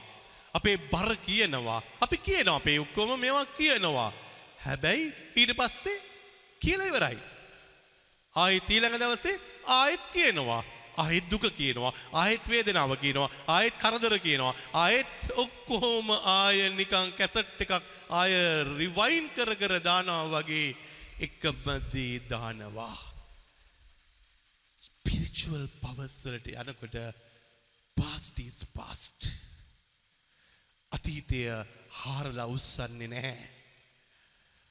අතීතේ හාරලා උස්සන්නේ නැති මිනිස්සු ඊයේ විච්ච දේ ආය හාරලා උස්සන්නේ නැහැ. මාස දෙකකට ඉස්සර විච්ච දේ ආය හාරලා උස්සන්නේ නැහැ. නැත්තම් අපේ ජීවිතය තුළ අපි කියාවි oh, ඕ ඇම් very spiritual මම ජපමාලය කියනවා මම පූජාවට යනවා මම සප්‍රසාද වහන්සේ ලබනවා මම කුච්චර නම් ස්පිරිචුවල්ද හැබැයි අතීතයේ තුළ තියෙන කැතකුණු ඔක්කොම අවස්සනවා අවස්සනවා අවස්සනවා අවස්සලා අවස්සලා අවස්සලා ජීවිතයේ හෙල් එකක් බවට පත් කරගන්නවා. ජීවිතයේ හෙල් එකක් කරගන්නවා. ස්පිරිචුවල් බීන් කෙනෙක් වශයෙන් ඉන්නකොට yesterday is yesterday. Today is today. නේ අද අද මේ මොහොත ජීවත් වෙන්නේ නැහැ. ඇයි ඒ අතීතයේ තුල කලකිරීමක් නිසා අද දැන් කන්නේ නැහැ. දැන් කෑම කන්නේ නැහැ. ඇයි කන්නේ නැත්තේ? මට දුකයිනේ මං කන්නේ නැහැ. එතකොට නේ ඊයේ ප්‍රශ්නෙට දැන් කන්නේ නැතුව ඉන්නේ මොකටද? නෑ එතකොට ඒගොල්ලන්ට පාඩමක් උගන්වන්න පුළුවන්නේ. මං දුකෙන් ඉන්නේ කියලා පෙන්වන්න පුළුවන්නේ. දුකෙන් ඉන්නවයි කියලා පෙන්නලා මොනව කරන්නද? වේදනාවෙන් ඉන්නවයි කියලා පෙන්නලා මොනව කරන්නද? මූණ දික් කරගෙන ඉඳලා පෙන්නලා මොනව කරන්නද? නේ අතපයෙන් සමහර අය ඉන්නවා කපා ගන්නවා කපාගෙන පෙන්නලා මොනව කරන්නද? ඒවා එකක්වත් පෙන්නලා වැඩක් නැහැ. ඒ නිසා තමයි ගොඩක් වෙලාවට ප්‍රශ්නය විසඳගන්නේ නැහැ. බඩු පොලි කරලා දානවා. අතේ තියෙන දේ පොළවට ගහලා කුඩු කරලා දානවා. ඇතිලි වලං කුඩු කරලා දානවා. වීදුරු කුඩු කරලා දානවා.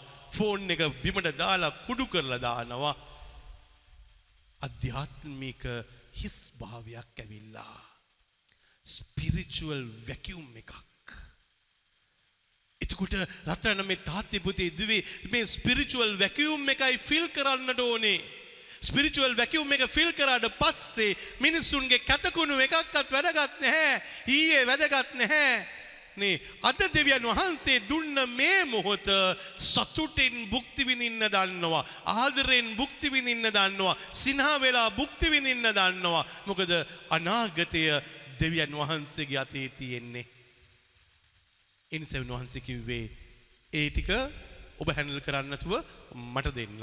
ඔබේ බරගතිය දෙන්න ඔබේ අතීතයේ දෙන්න ඔබේ කැතකුණු ටික දෙන්න ඔබට තෙහෙට්ටුව දෙන්න ඒව දෙන්න.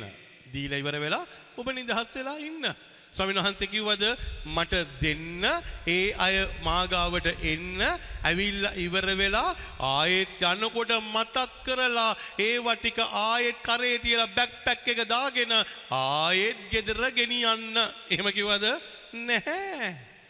අද අපි මොකද කරන්නේ කියලා කියලා කියලා කියලා ඉවර වෙලා අන්තිමට ඒ ඔක්කොම බාර දීලා ආයෙත් කරේ තිබ්බා ආයෙත් ගියා බැක්පැක් එක තියන්නෙම නෑ. අතීතේ කතා කරන්න නැතුව ඉන්න පුළුවන්ද? ඊයේ විච්ච සිදුවීම අද කතා කරන්න නැතුව ඉන්න පුළුවන් දේ නෙගටිව් විඩියෝස් එකක්. පෑ දෙකකට ඉස්සර සිදුවෙන දේ කතා නොකර ඉන්න පුළුවන්ද? ඒකට මිනිස්සු කියාවී කට්ටකම. කතා කරන්න නැති එක කට්ටකම.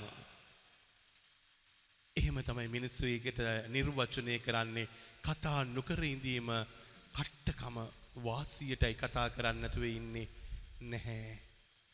මුළු ලෝකේම කෑ ගහනකොට මුළු ලෝකෙම බුරබුරා ඉන්නකොට මුළු ලෝකෙම මේ දෝෂාරෝපණය කරනකොට ඔබ දෙවියන්ගේ දැහැතට ඒක බාර දීලා ඉවරයි නම් වෙහෙස බාර දුන්නා නම් තෙහෙට්ටුව බාර දුන්නා නම් නේ ඒ දරන්න බැරි බර බාර දුන්නා නම් මිනිස්සු ඔබට ලේබල් ගහලා තියා ගනීවි but don't worry මිනිස්සු ලේබල් ගහලා ඒ බැක්පැක් එක ඒගොල්ලන්ගේ කරේ තියා ගනීවි ඔබ නිදහස් විච්ච කෙනෙක් වෙන්න. ඔබ නිදහස් විච්ච කෙනෙක් වෙන්න. එදාට ඔබ හිතන පතන දේවල් ඔක්කොම හරියනවා. එදාට ඔබගේ ජීවිතය සාර්ථකයි. එදාට අනිත් අය කරනවට වඩා ඔබ මහත්දය කරාවි. මොකද ඔබට බැක්පැක් එකක් නැහැ. ඔබට කැතකුණු නැහැ. අනිත් අයගේ ඕපදූප නැහැ. අනිත් අයගේ නේ අනවශ්‍ය දේවල් එකක්වත් ඔබගේ කරේ නැහැ. Let it go. ඒවා යවන්න දන්න වනංකාරිය ඒ මිනිස්සු සාර්ථකයි. දෙවියන් තුළ සාර්ථකයි මිනිස්සු තුළ සාර්ථකයි ඕනෑම තැනක සාර්ථකයි. ඇයිඒ කාගේවත් කැතකුණු කරේ නැහැ. කාගේවත්නේ අර ප්‍රශ්න මේ ප්‍රශ්න එකක්කත් මෙහෙ මගේ ජීවිතයේ කරේ දාගන්න නෑ. දාගත්තොත් ඉවරයි. එනිසා ඔබට ස්වාමින් වහන්සේ අද ආරාධනා කරන්නේ ඔබේ වෙහෙසට තුඩුදුන්න හේතුව ඔබේ කලකිරීමට තුඩුදුන්න හේතුව ඒ පුද්ගලයන් හැම කෙනෙක්වම බාර දෙන්න. අන්දන්නේ මගේ ජීවිතේ ඇතුළේ මට බනින අය ඉන්නවා මගේ ජීවිතයට චෝදනා කරන අය ඉන්නවා බොරු කයිකතන්දර පතුරවන අය ඉන්නවා. කොච්චර දෙනෙක් ඉන්නවද? මන් නොදන්නුව නෙමෙයි. නේ. ඒ හැම කෙනෙක්කුම දන්නවා. හැබැයි ඒ කිසිම කෙනෙකුත් එක්ක ප්‍රශ්නය කතා කරන්නේ නැහැ. ඇයි ඔයගොල්ලෝ එහෙම කරන්නේ? ඇයි ඔයගොල්ලෝ මෙහෙම කිව්වේ? ඇයි ඒගොල්ලෝ මෙහෙම පැතුවේ ඇයි? ඒකක්වත් අදාළ නැහැ. එන මොනවද කරන්න ඕනේ? හිමින් සීරුවේ ඔබට දන්න දේ, ඇහිච්ච දේ, ඔබට ආපු දේ, චෝදනාව, ප්‍රශ්නය, කරදරය, වේදනාව, ණයතුරුස් ටික මොනවා හරි තියෙනවා නම් ඒක හිමින් සීරුවේ සප්‍රසාද වහන්සේට බාර දෙන්න. සප්‍රසාද වහන්සේට බාර දෙන්න. එච්චරමයි තියෙන්නේ. ඊට වඩා කිසිම දෙයක් ඔබ කරන්න යන්න එපා. ඔබ සප්‍රසාද වහන්සේට බාර දුන්නට පස්සේ එතනින් එහාට ඔබ නිදහස්. අද ගොඩක් වෙලාවට ප්‍රශ්නය අපි හැන්ඩල් කරන්න යනවා. ප්‍රශ්නය අපි හැන්ඩල් කරන්න ගියාම අපි වීක් බීන්ස් ලබවට පත්වෙනවා. අපිත් අර මිනිස්සුන්ගේ ගණයටම අර මිනිස්සුන්ගේ ලෙවල් එකටම ඒ මිනිස්සුන්ගේ හැටියටම අපිත් වැටෙනවා. එනිසා ජීවිතේ තාත්තා කියන කෙනා අම්මා කියන කෙනා භාර්යාව කියන කෙනා මේ ස්වයං පුරුෂයා කියන කෙනා ඔබ දැනගන්නට ඕනේ ඔබගේ ජීවිතයේ ඇතුලේ චෝදනාවන් ප්‍රශ්න කරදර බාධක මේව ඔක්කොම එනකොට නේ ඔබ හැන්ඩල් කරන්නේ කොහොමද? මේ අද ගොඩක් අයට ෆෝන් එක තමයි ප්‍රශ්නය. මිනිස්සුන්ගේ කැතකුණු ඔක්කොම ෆෝන් කර කර කියනවා. අද වැඩි වෙලාවක් ඩිස්කස් කරනවා නම් කරි ඩිස්කස් කරන්නේ අනිත් අයගේ කැතකුණු. අරයා මෙහෙමයි නේද? මෙයා මෙහෙමයි නේද? ඒගොල්ලෝ මෙහෙමයි නේද? එහෙම නේද වුනේ? නේ එහෙම වුණාද? මට කියන්න කොච්චර දෙනෙක් ඉන්නවද? එතකොට මොකද වෙන්නේ? සාර්ථක වෙයිද? ඉහළට යයිද? සතුටු වෙයිද? ගොඩ නැගෙයිද? කිසිම දෙයක් වෙන්නේ නැහැ. බලාගෙන ඉන්නකොට ඒ පවුල ඇතුලේ ප්‍රශ්න ඇති වෙලා ඒ ජීවිතය ඇතුලේ ප්‍රශ්න ඇති වෙලා ඊට පස්සේ තිබිච්ච වාතාවරණය නැති වෙලා සුන්නද්දූවිලි වෙලා මිනිස්සු යනවා. මොනව නිසාද? මේ කට නිසා. ඒ නිසා පරිස්සම් වෙන්න. වැරදි විදියට ඔබ ජීවිතේ හැන්ඩල් කරගත්තොත් වැඩිකල් යන්න ඉස්සර ඒ ඔක්කොම ඔබේ ජීවිතේ ඇතුළටම ඒවී. බැක්පැක් එක තියෙන්නේ කොතනද? ඒ බැක්පැක් එකේ ප්‍රශ්නය ඔබ හිතනවා අරයාගේ ප්‍රශ්නේ මං කතා කරේ, මෙයාගේ ප්‍රශ්නේ මං කතා කරේ, ඒගොල්ලන්ගේ ප්‍රශ්නේ මං කතා කරේ. ඒ ඔක්කොම මං තියාගෙන ඉන්නවා. පුළුවන් නම් කවුන්සලින් කරලා බලන්න. සුපර්වයිසර් කෙනෙක් නැතිව කවුන්සල කෙනෙක් වශයෙන් මිනිස්සුන්ගේ කැතකුණු මිනිස්සුන්ගේ ප්‍රශ්න මිනිස්සුන්ගේ කරදර මිනිස්සුන්ගේ බාධක අහල බලන්න පුළුවන් නම් කාර්යය මොකද වෙන්නේ කියලා. ටික දවසක් යනකොට දන්නේම නැතුව සුපර්වයිසර් කෙනෙක් ගාවට ගිහිලා ඒවා නිදහස් කරලා අයින් කරලා දැම්මේ නැත්නම් කාර්ය මෙන්ටල් කන්ඩිෂන් එක වෙනස් වෙලා අපි ડિප්‍රෙස් වෙන්න පටන් ගන්නවා. බැලූ බැල්මට ඩිප්‍රෙසුනේ ඇයි අර මිනිස්සුන්ගේ කැතකුණු අර මිනිස්සුන්ගේ වේදනාත්මක මතක ඒ මිනිස්සුන්ගේ කරදර ඒව තමයි අපි හැමදාම කතා කරේ. ඒවා මතක් කර කර හිටියා. ඒවා ඩිස්කස් කරන්න පටන් ගත්තා. හැබැයි end of the day chapter එක ඉවර වෙලා අපි අන්තිමට යන්න වෙනවා. ඊට වඩා අමාරු දැනකින් බෙහෙත් ගන්න. ඒගොල්ලෝ ප්‍රශ්නය කියනවා. අපි බෙහෙත් ගන්නවා. ජීවිතේ රත්තරන්න මේ තාත්තිපුතේ දුවේ අනිත් අයගේ කුණු ඔබට විනාශයක්. අනිත් අයගේ හැලහැප්පීම් ඔබගේ ජීවිතයට විනාශයක් ඔබ දන්නෙම නැතුව ෆෝන් එකෙන් අනිත් ඇත් එක කතා කරද්දී අරයා මෙහෙමයි මෙයා මෙහෙමයි ඔක්කොම කියලා ඉවරයි. එතකොට අහගෙන ඉන්න කෙනත් කරේ තියාගත්තා. කියන කෙනත් කරේ තියාගත්තා. ටික දවසක් යනකොට දෙන්නම කඩාගෙන වැටලා.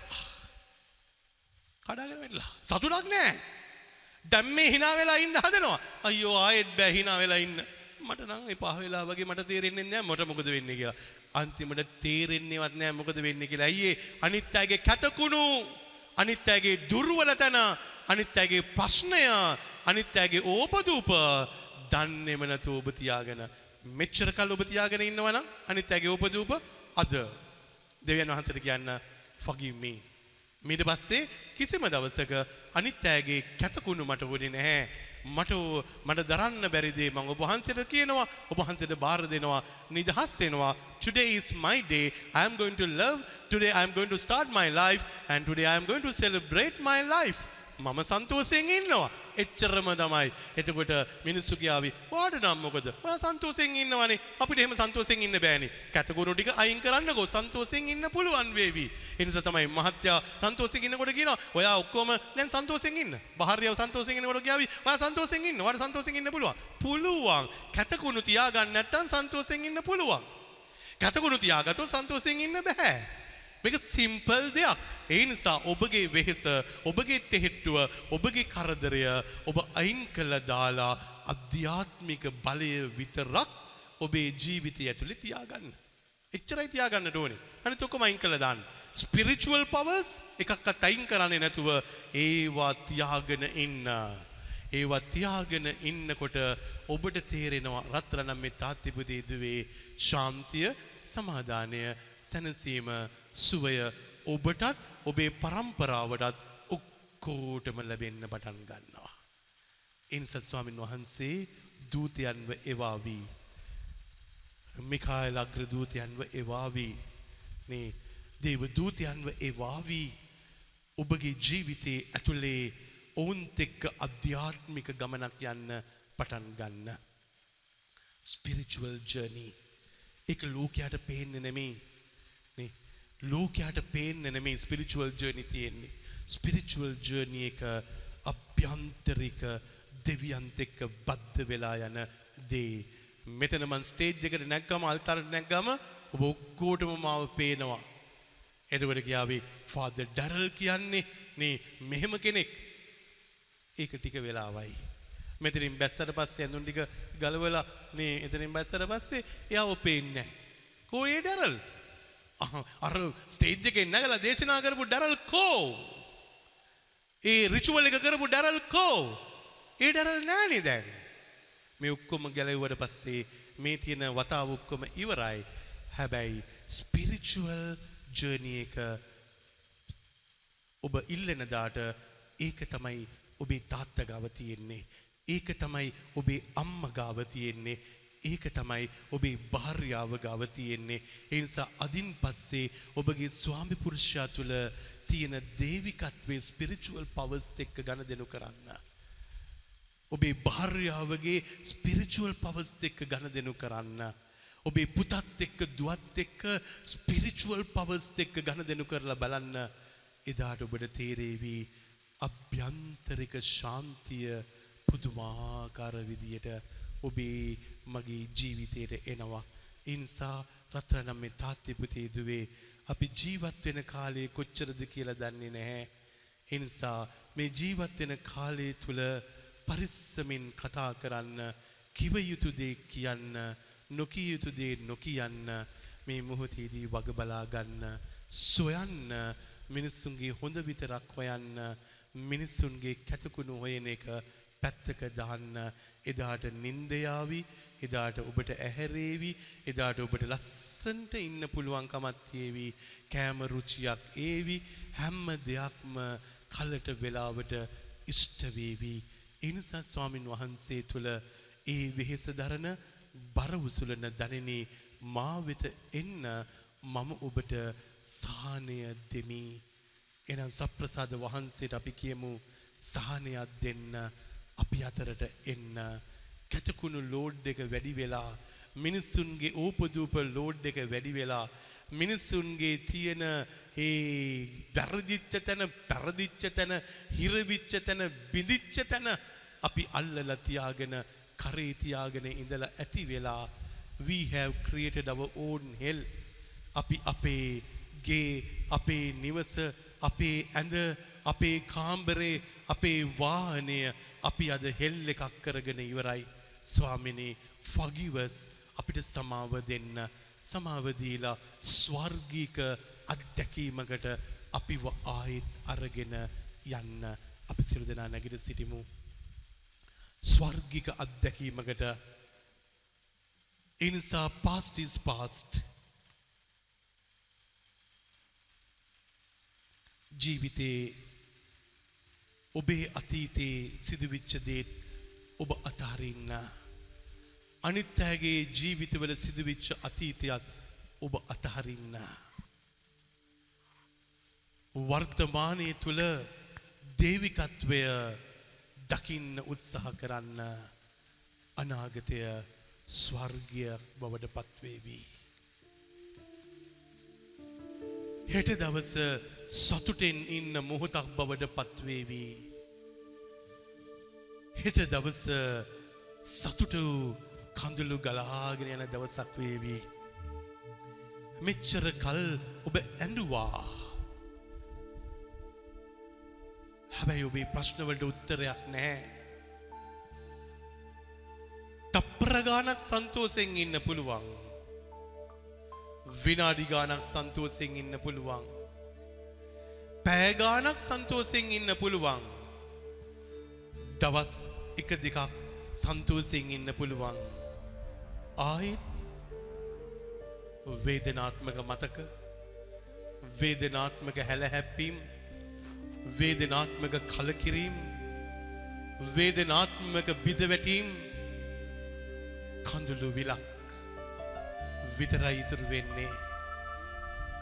ජීවිතය කියන්නේ සතුටක්. ජීවිතය කියන්නේ කඳුළු විලක් නෙමේ ජීවිතය කියන්නේ අධ්‍යාත්මිකත්වයක් ජීවිතය කියන්නේ නරකාදියක් නෙමේ එනිසා ස්වාමීන් වහන්සේ ඉදිරියේ ඔබ නිදහස් වෙන්න ඔබට වැරදිච්ච තැන ස්වාමින් වහන්සේ මතක් කළ දේවී. ඒකද සමහර වෙලාවට කන්සෙප්ෂනල් එරේ එකක් ඇති. එක අම්මගේ කුස ඇතුළේ ඉන්නකොට ඇතිවිච්ච ප්‍රතික්ෂේපයක් වෙන්න පුළුවන්. අය පොඩි කාලේ ඇතිවිච්ච අම්ම තාත්ත කලට වෙලාවට ඔබට සලකෝපු නැති ඔබට ආදරේ නොකරපු මොහොතක් වෙන්න පුළුවන්. ඔබ හොයා ගන්න ස්වාමින් වහන්සේ අද ඔබට උදව් කරාවී ඇස් එක වහගන්න. ඔබ හොයන්න. අනිත් අයගේ කැතකුණු හොයලා ඔබ කරේතියාගෙන ඉන්නවා නම් අද ඒක ස්වාමින් වහන්සේගේ දෑතට බාර දෙන්න ඕනේ. ඔබට කේන්ති ගියේ ඔබට තරහ ගියේ ඔබට දුක හිතුනේ ඔබ ප්‍රශ්න කරන්නේ සතුට ලබන්න නෙමෙයි. ආයේ ජීවිතේ පටලව ගන්න. ආයේ ජීවිතේ වේදනාවට යන්න. සාතන් හරිම සූක්ෂමයි. ඌට අවශ්‍ය වෙන්නේ ගට්ටනය ඒ නිසා තමයි ඒව ගාවට ගිහිල්ලා අහනවා ඔබට කන්න එපා කියලා කිව්වේ නැද්ද? ගට්ටනයක් ඇති කරා. ගට්ටනය දෙවියන් වහන්සේගේ නෙමෙයි ගට්ටනය සාතන්ගේ ක්‍රියාකාරිත්වයක්. ඒ නිසා ඔබට නිරන්තරයෙන්ම ගට්ටනයක් පතු කරවාවී. ඔබට හැලහැප්පීමක් ඇති කරවාවී. සාතන්න විලහනවා ඇයි ඔබට එපා කිව්වේ? ඔබ දන්නේ නැද්ද? නේ. ඔබ හොඳ නරක දෙකම දැනගන්නට යනවා. සාතන්ට ඕනේ හැම වෙලාවෙම නරක ඔබට කියලා දෙන්න. ඔබගේ මහත්යාගේ නරක ඔබ හොයාවී. ඔබගේ භාර්යාවගේ නරක ඔබ හොයාවී. ඔබගේ දරුවන්ගේ නරක ඔබ හොයාවී. ඔබ අම්ම තාත්තගේ නරක ඔබ හොයාවී. ඔබේ දූ දරුවන්ගේ නරක ඔබ හොයාවී. ඔබේ ස්වාමිවරුන්ගේ නරක ඔබ හොයාවී. එතකොට ඔබ කියාවී හෙව්වා මට හම්බ වුණා. හරීම සන්තෝසයි. මාගාව ප්‍රූෆ් තියෙනවා. මේ? මම ප්‍රින්ට් අවුට් එකක් ගත්තා. මාගා ප්‍රූෆ් තියෙනවා. නරක හොයලා මිනිස්සු ප්‍රූෆ් පෙන්වන්නට යනවා. පාපය ඒ තරමට රජකම් කරාවී පාපය රජකම් කරාවී එනිසා රත්ත නම් මේ තාත්‍ය පුතේ දුවේ අපි මිනිස්සුන්ගේ වැරදි ප්‍රූ කරන්න නෙමෙයි මේ පොළොව තලේ ජීවත් වෙන්නේ. මිනිස්සුන්ගේ වැරදිවලට සමාව දෙන්නයි මේ පොළොව තලේ තුල ජීවත් වෙන්නේ. I have found ගොඩක් වෙලාවට කියන්නේ මේ ඔක්කොටම කියනවා. මොනවද කියන්නේ? මට කියන්න. මට කියන්න. මට කියන්න. මට කියන්න. ඔක්කෝටම කියනවා මට කියන්න. නැත්තන් කියාවී නේ ඔෆිස් එකට ඇවිල්ල කෑ ගහනවා. වැඩ කරන තැනට ඇවිල්ල කෑ ගහනවා. ගෙදරට ඇවිල්ල කෑ ගහනවා. ඔගලගේ අම්මට කියනවා. ඔගලගේ තාත්තට කියනවා. ඔගලගේ සහෝදර සහෝදරයන්ට කියනවා. මොනවද කියන්නට යන්නේ? මහත්යා ගැන භාර්යාව ගැන ආදරය කරන කෙනා ගැන දරුවෝ ගැන කියනවා. අම්මේ තාත්තේ පුතේ දුවේ සාතන් මොනතරම් ලස්සන්ට සූක්ෂමවගේ ඇතුළට රිංගගෙනද?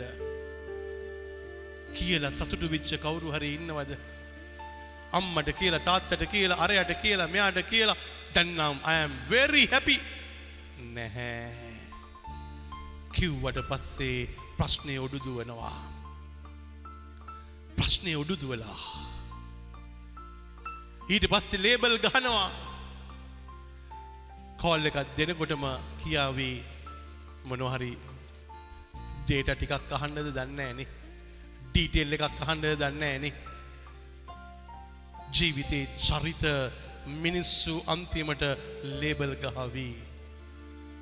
ස්වාමි කෙනෙක් වශයෙන් මම මේක ඇතුලේ ඇහුවනම් කාර්ය එක එක්කෙනාගෙන් මට පොඩ්ඩක් කියන්නකෝ. අරයා කොහොමද? අද කොහොමද හැසරුනේ? අද එයා මෙහෙමද?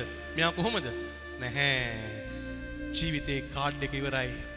පූජකයෙක් වශයෙන් මගේ කාඩ් එක ඉවරයි. ඒ නිසා රතන මේ තාත්තේ පුතේ දුවේ ගෙදර පුතා ගැන එහෙම හැව්වොත් දුව ගැන එහෙම හැව්වොත් තාත්තගේ කාඩ් එක ඉවරයි.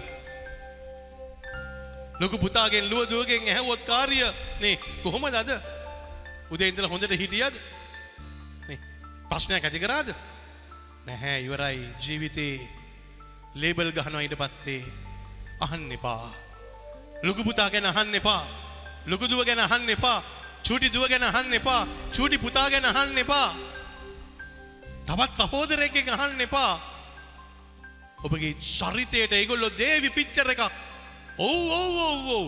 මෙහෙම තමයි වුණේ ඔබේ මනස කලඹල දමාවී. ඔබේ සිත කඩල වට්ටාවී. ඔබේ තිබිච්ච ඇහි හොඳයි නැති කරලා දමාවී. ඔබේ ගොඩක් දේවල් නැති වෙලා යාවී. ලයිෆ් එක හෙල් එකක් බවට පත් කරගන්නේ අපි. We allow people to get into get into our lives. අපි allow කරනවා මිනිසුන්ට අපේ ජීවිත ඇතුළට එන්න. මොනවටද විනාශ කරන්න? එන් ඔබට තේරුණොත් කවද හරි? මේ පුද්ගලයා ඔබ තුළට එන්නේ ඕපදූප කියන්න කියලා ඒ පුද්ගලයාව එලියෙන් තියන්න. ජෙසුපීටයි කොහොමද? ගීලෙන්නම් හා. බයි. එච්චරම තමයි. ලයිෆ් එක ඇතුළට ගන්නෑ. ඔද ඕපදූප කියන කෙනෙක්නේ.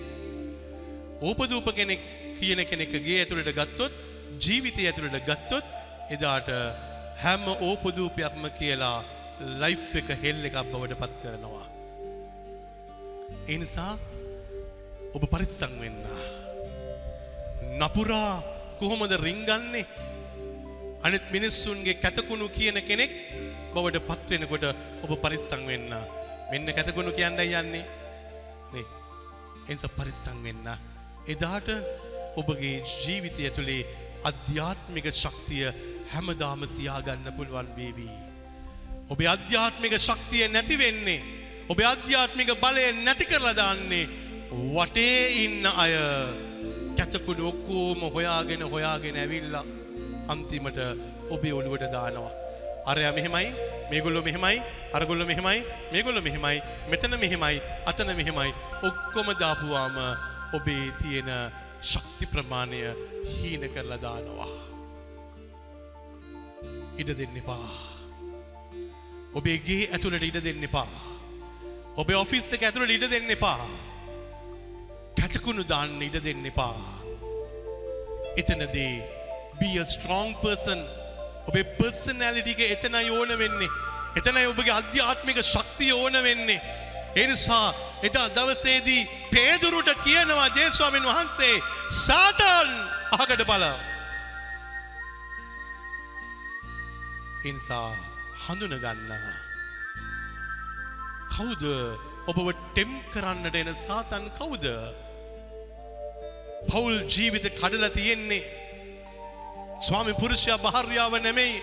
ඒ ස්වාමි පුරුෂයා ගැන කතා කරපු අය ඒ ස්වාම භාර්යාව ගැන කතා කරපු අය හෙල් එකක් බවට පත් කරනවා.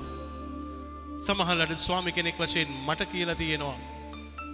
ෆාද කතා කරන්න අපේ ෆැමිලි ප්‍රොබ්ලම් එක මම කියනවන්නෝ කතා කරන්නේ ඇයි කතා කරන්න නැත්තේ නැ කතා කරන්න ඕන්නෑ නැචුරල් හීලිං එකට යන්න ඉඩ දෙන්න සමහර වෙලාවට කවුන්සලිං වලට ගිහිල්ලා මුළු පවුල්ලම ඉවර වෙලා.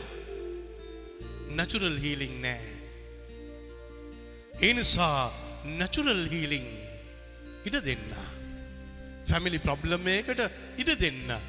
අද බැනගනීවි හෙට ගහගනීවි හෙට බෙල්ල මිරිකාවි හෙට දනගස්සාවි තවත් දවසක් වෙනකොට ආයෙත් ආදරෙන් වෙලේවී. ආදරෙන් වෙලෙන්න තියෙන අවස්ථාව වැඩි කරලා දෙන්න. මිනිස්සුන්ට ආදරෙන් ඉන්න පුළුවන් අවස්ථාව වැඩි කරලා දෙන්න. මිනිස්සුන්ට කතා කර කර ඉන්න අවස්ථාව වැඩි කරලා දෙන්න. ඒකටයි අපිට කුටුම්බය ඕනේ ඒකටයි අපි ලස්සන ගයක් ඕනේ ඒකටයි අපිට මාලිගාවක් ඕනේ ඒකටයි ඕනේ. not to show off අම්මේ මට තියෙනවනේ මාලිගාවක් මාලිගාව පෙන්නලා මොනවා කරන්නද කැතකුණු ගොඩක් කරේ තියාගෙන කාමරේ තියාගෙන හිටියොත් එනිසා ඔබගේ මාලිගාව කියන්නේ සාමේ ශාන්තිය ආදරේ සමාධානයේ සැනසීමේ තෝතැන්නක්.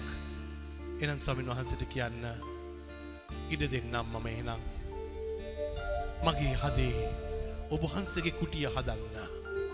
මම මෙච්චර කල් මගේ හදේ අනිත් මිනිස්සුන්ගේ කුටිය හදන්න දුන්නා. ඒගොලන්ගේ සිතැංගිලි පරිදි අපිව පාවිච්චි කරා. ස්වාමිනේ ඔබහන්සගේ කුටිය හදන්න. එක ආදරයේ කුටියක් එක මෛත්‍රයේ කුටියක් එක ප්‍රේමය කුටියක් එක සෙනහසේ කුටියක් එක දයාවේ කුටියක් එක ශක්තියේ තෝතැන්නක්. ඒක තනන්න.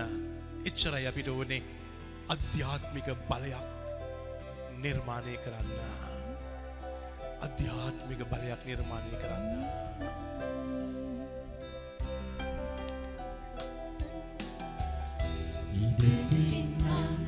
සමිඳුනේ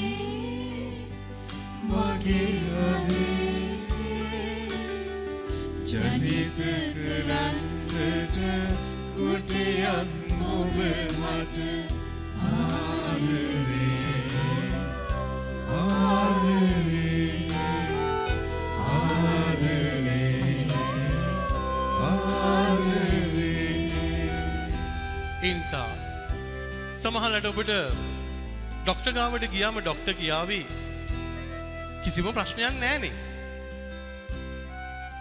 හැබැයි ඔබට ප්‍රශ්නයක්. ඔබ ටිකින් ටිකට කියාවේ. මට ප්‍රශ්නයක් කනේ මට රෝගයක් තියෙනවා. මට කරදරයක් තියෙනවා. හයි ඩොක්ට කියාවේ නෝ මට කිසිම දෙයක් නැහැ. අහල බලන්න. ඔබ අනිත් මිනිස්සුන්ගේ කැතකුණු එකතු කරලා තියාගෙන ඉන්නවද කියලා. එක ඩොක්ටට පේන්නේ ඔබ කැතකුණු එකතු කරලා තියාගෙන හිටියොත් ඩොක්ටට පේන්නේ මිනිස්සුන්ගේ ඕපදූප ඔබ තියාගෙන හිටියොත් මිනිස්සුන් වශයෙන් ඩොක්ටට පේන්නේ නෑ ඩොක්ටට පේෙන් නැතිදේ ඒක කිසිම ආකාරෙන් ටෙස්ට එකට ගේන්න බැහැ ටෙස්ටවල්ට ගේන්න බැහැ ඒක ස්පිරිචුවල් පව එකකින් තමයි එක නැති කරන්නට ඕනේ. ස්පිරිචුවල් පව එකකින් තමයි නැති කරන්නට ඕනේ. ස්පිරිචුවල් එම් පවමන්ටයකින් තමයි එක නැති වෙන්නේ. එනිසයි මිනිස්සු කොමිසමට යන්නේ. සමහර අය අහනවා කොමිසං කරන්න ඕනද? ඕ කොමිසං කරන්න ඕනේ. මොනව නිසාද? ඔබ කොමිස්සං කරපු ගමම්ම ස්පිරිචුවල් පව එකකින් මොකද කරන්නේ? අතන තිබිච්ච කැතකුණු ඔක්කෝම ඩිලිට් කරලා දාලා එතනදී ඇබ්සලූෂන් එකේ මුද්‍රාව ගහනවා ඒකයි වෙනස කැතකුණු එනිස තමයි කවදාකත් කියන්නේ කොමිසං කරලා ඉවර වෙද්දී මොනවද කියන්නේ ඔයා ගිහිල්ලා අරයාගෙන් කරපු වැරදි ටිකට සමාව ඉල්ල ගන්න. මෙයාට කරපු වැරදි වලට සමාව ඉල්ල ගන්න. ඒගොල්ලන්ට කරපු වැරදි වලට සමාව ඉල්ල ගන්න. පියතුමා කොහෙවත් යවන්නේ නැහැ. කොහෙවත් යවන්නේ නැහැ. ඇයි යවන්නේ නැත්තේ? එතනදී ඩිලීට් කිරීමේ හැකියාව තියෙනවා. එතන අයින් කිරීමේ හැකියාව තියෙනවා. ඒක තමයි ස්පිරිචුවල් පව එක. ඒක තමයි ස්පිරිචුවල් බ්ලෙසිං එක කන්ෆෙෂන් එකේ. එනිසා රත්න මේ තාත්තිපුති දුවේ උන්වහන්සේ ඔබතුරට මාතුරට එද්දී. උන්වහන්සේ ඔබ මාව වෙන කොහේවත් නෙමේ යවන්නේ. කොමිසමකට තමයි යවාවී. යවල කියාවේ පුතේ ගිල්ල කොමිසං කරගෙන ඔබේ අතින් විච්ච ඔක්කෝම වැරදි ටික ඩිලිට් කරගන්න. ඩිලිට් කරන්න. ඉඩ දෙන්න. ස්වාමින් වහන්සේට ඉඩදීල බලන්න. ප්‍රශ්නවත් එක කරදරත් එක්ක වේදනාත්මක මතකයන්ත එක්ක හැල හැප්පිම්ත කෙනකොට මං අම්මේ තාත්තේ පුතේ දුවේ කියන්නේ එකම දෙයයි. අනේ ගිහිල්ලා කොමිසමක් කරගන්නකෝ. කොමිසමක් කරන්න. ඇත්ත කොමිසමක් කරලා ඔබ නිදහස් වෙන්න. නිදහස් වුණාම ඔබ ඩිලීට් කරලා දැම්මම ඔක්කොම දේවල් එතන ඩිලීට්. මත්‍රන මේ තාත්තේ පුතේ දුවේ IT එකේ ඉන්න අය දන්නවා ඩිලීට් කරපු දේවල් ආයෙත් ගන්න. ෆෝන් එකෙන් ඩිලිට් කරාට ඒගොල්ලො එක්ස්පර්ට්ස්ලා එගොලෝ ආයෙත් කොහොමාරි එලියට ගන්නවා ඩිලිට් කරපු දේවල්. iPhone එක නේ ෆොටෝස් ටික ඩිලිට් කරපුවාම රීසන්ලි ඩිලිටඩ් ඩිලිට් කරපු ඒවා කියලා වෙනම තැන කායත් ගිල ස්ටෝ වෙලා. ආයෙත් ඒක හොයලා ආයෙත් ඩිලීට් කරන්නට ඕනේ. ආයෙත් හොයලා ආයෙත් ඩිලීට් කරන්නට ඕනේ. දෙවියන් වහන්සේ ගාවට ගිහිල්ලා බාර දුන්නට පස්සේ ආය මිනිස්සුන්ට ඩිලිට් කරන්න ඉඩ තියන්නේ නැහැ. උන්වහන්සේ ඩිලිට් කරනවා. උන්වහන්සේ ඩිලිට් කරනවා. එනිස තමයි සකයවුස්ගේ ජීවිතයේ නේ මිනිස්සුන්ට ඩිලිට් කරන්න බැරුව ගියා. මිනිස්සු කියනවා ඔහු පෞකාරයෙක්නේ. මිනිස්සු කියනවා පරිසිවරු කිව්වා සදිසිවරු කිව්වා එතන ඉඳගෙන මෙයා අපේ සල්ලි ගත්ත මනුස්සෙක්නේ. මෙ නරක මනුස්සෙක් ජේස්වාමින් වහන්සේට බද්ධ වෙනවා. ආත්මික බැඳීමකට යනවා. උන්වහන්සේ ඔබේ ගෙදරට එනවයි කියලා කියනවා. අර අතීතයේ තුළ තිබිච්චුක්කෝම ඩිලිට් වෙලා ගියා. අද ශුදු බයිබලේ ඇතුළේ ජීවිත පෙරලන චරිතයක් බවට පත් වනා. තෝමස්තුමා අගුස්සුනිතුමා මේ හැම්ම කෙනෙක්ගේම අතින් වැරදි සිදුවනා. අගුස්සුනිතුමාගේ මතකේ එයාගේ ඩාරයක ඇතුළෙ කරලා තියෙන පෞටික බලපුවාම අපි තාමත් ඒ පව් කරලා නැතුව ඇති. අගුස්සින මුනිතුමා කරපු පෞට් සෙට් එක තාම අපි කරලා නැහැ. හැබැයි දෙවියන් වහන්සේ ඒ පව් සෙට් එකම මකල දැම්මා. ඩිලිට් කරා. ඩිලිට් කරලා ඉවර වෙලා නේ සාන්තුවරයෙක් කරා. බිෂප් කෙනෙක් කරා. සාන්තුවරයෙක් කරා. මිනිස්සු ඩිලිට් කරන්නේ එනිසයි මිනිස්සුන්ට සාන්තුවරයෙක් බවට ගෙදර ඉන්න මහත්යාව පත් කරන්න බැරි. ගෙදර ඉන්න භාර්යාව පත් කරන්න බැරි. ඒ නිසා ගෙදර ඉන්න පුතාව පත් කරන්න බැරි. ඒ නිසා එනිසා මිනිස්සු වැරදි කරපුවාම කියනවා එයා කරපු වැරද්දට දඬුවම් විඳින්න ඕනේ. යට එහෙම වෙලා මදි. ප්‍රොබේෂන් දාන්න ඕනේ. මිනිස්සු කැතකුණු මතකේ තියාගෙන ඒවා ඇනලයිස් කරනවා. හැබැයි කන්ෆෙෂන් එකේදී ස්වාමින් වහන්සේ සම්පූර්ණයම ඩිලිට් කරලා ඔබව නිදහස් කරනවා. එනිසයි ගොඩා ප්‍රශ්න වැඩි වෙලා රෝගයන් ගොඩාක් උත්සන්න වෙනකොට කියන්නේ කොමිසමක් කරගන්න. කොමිසං කරල ඉවර වෙලා ඇවිල්ල කියනවා ප්‍රශ්නොක්කොම හරි ගියානේ. රෝගයක් සුව වනානේ හැම කරදරයක්ම නිදහස්. මොනවද කරේ බෙහෙත් ගත්තද නැහැ බෙහෙත් ගත්තෙත් නෑ දැන් හොඳට ඉන්නේ. කොමිසං කරා. කොමිසං කරාට පස්සේ වහල තියෙන දොරවල් ලොක්කෝම ආයිත් විවෘත්ත වෙනවා. හැබැයි ඒ ඔබේ පාපුච්චාරණය මහත්්‍යයට කියන පාපුච්චාරණයක් නෙමෙයි. භාර්යාවට කියන පාපුච්චාරණයක් නෙමෙයි අද වරද්දගෙන තියෙන ඒකයි.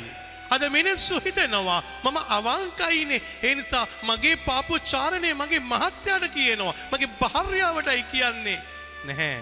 පාපුච්චාරණය කියන්නේ පියතුමෙක් ගාවා. පාපුච්චාරණය පියතුමෙක් ගාවයි කරන්නේ. එක වරද්දගෙන මිනිස්සු යහළුවන්ට කියනවා මං මෙහෙමනෙ කරේ. ඒකයි යනේ මට එක අතරගන්න බෑනෙ තාම. ඒ යහළුවෝ පත්තු කරනවා ගින්නක් වගේ.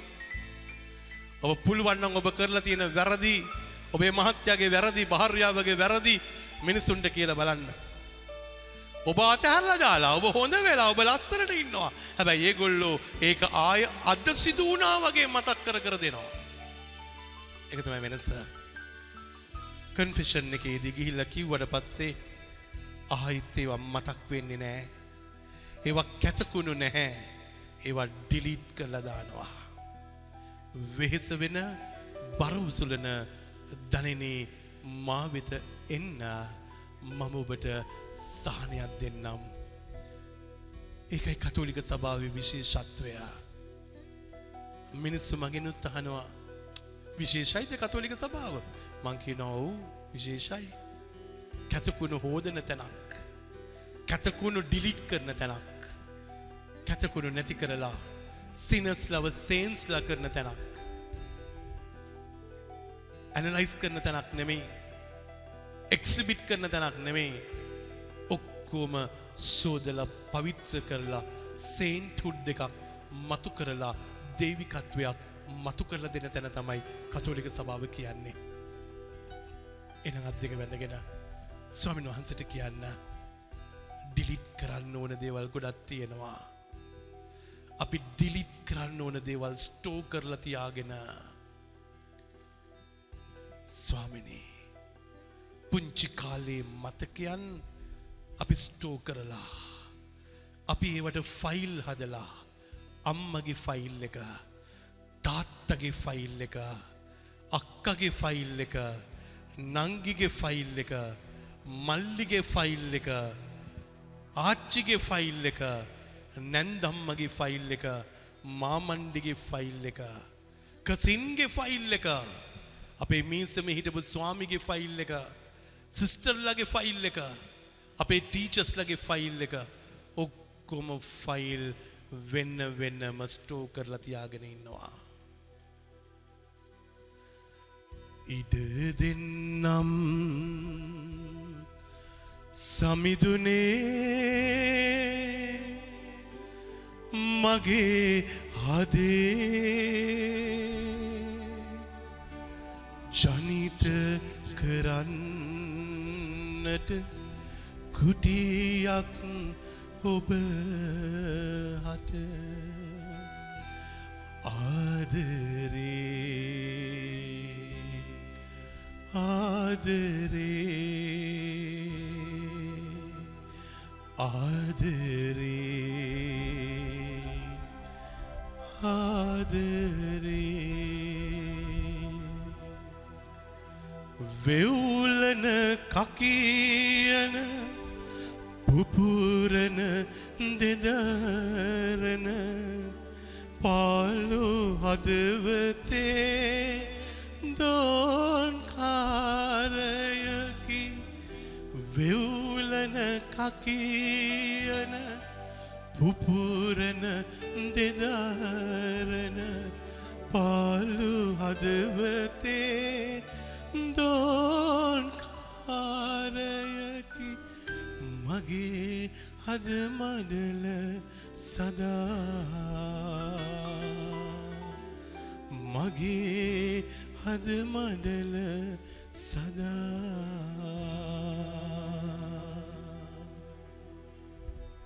එනම් සමන් වහන්සිට කියන්න ඉඩ දෙන්නම් මගේ හදේ කුටියක් තනන්නට.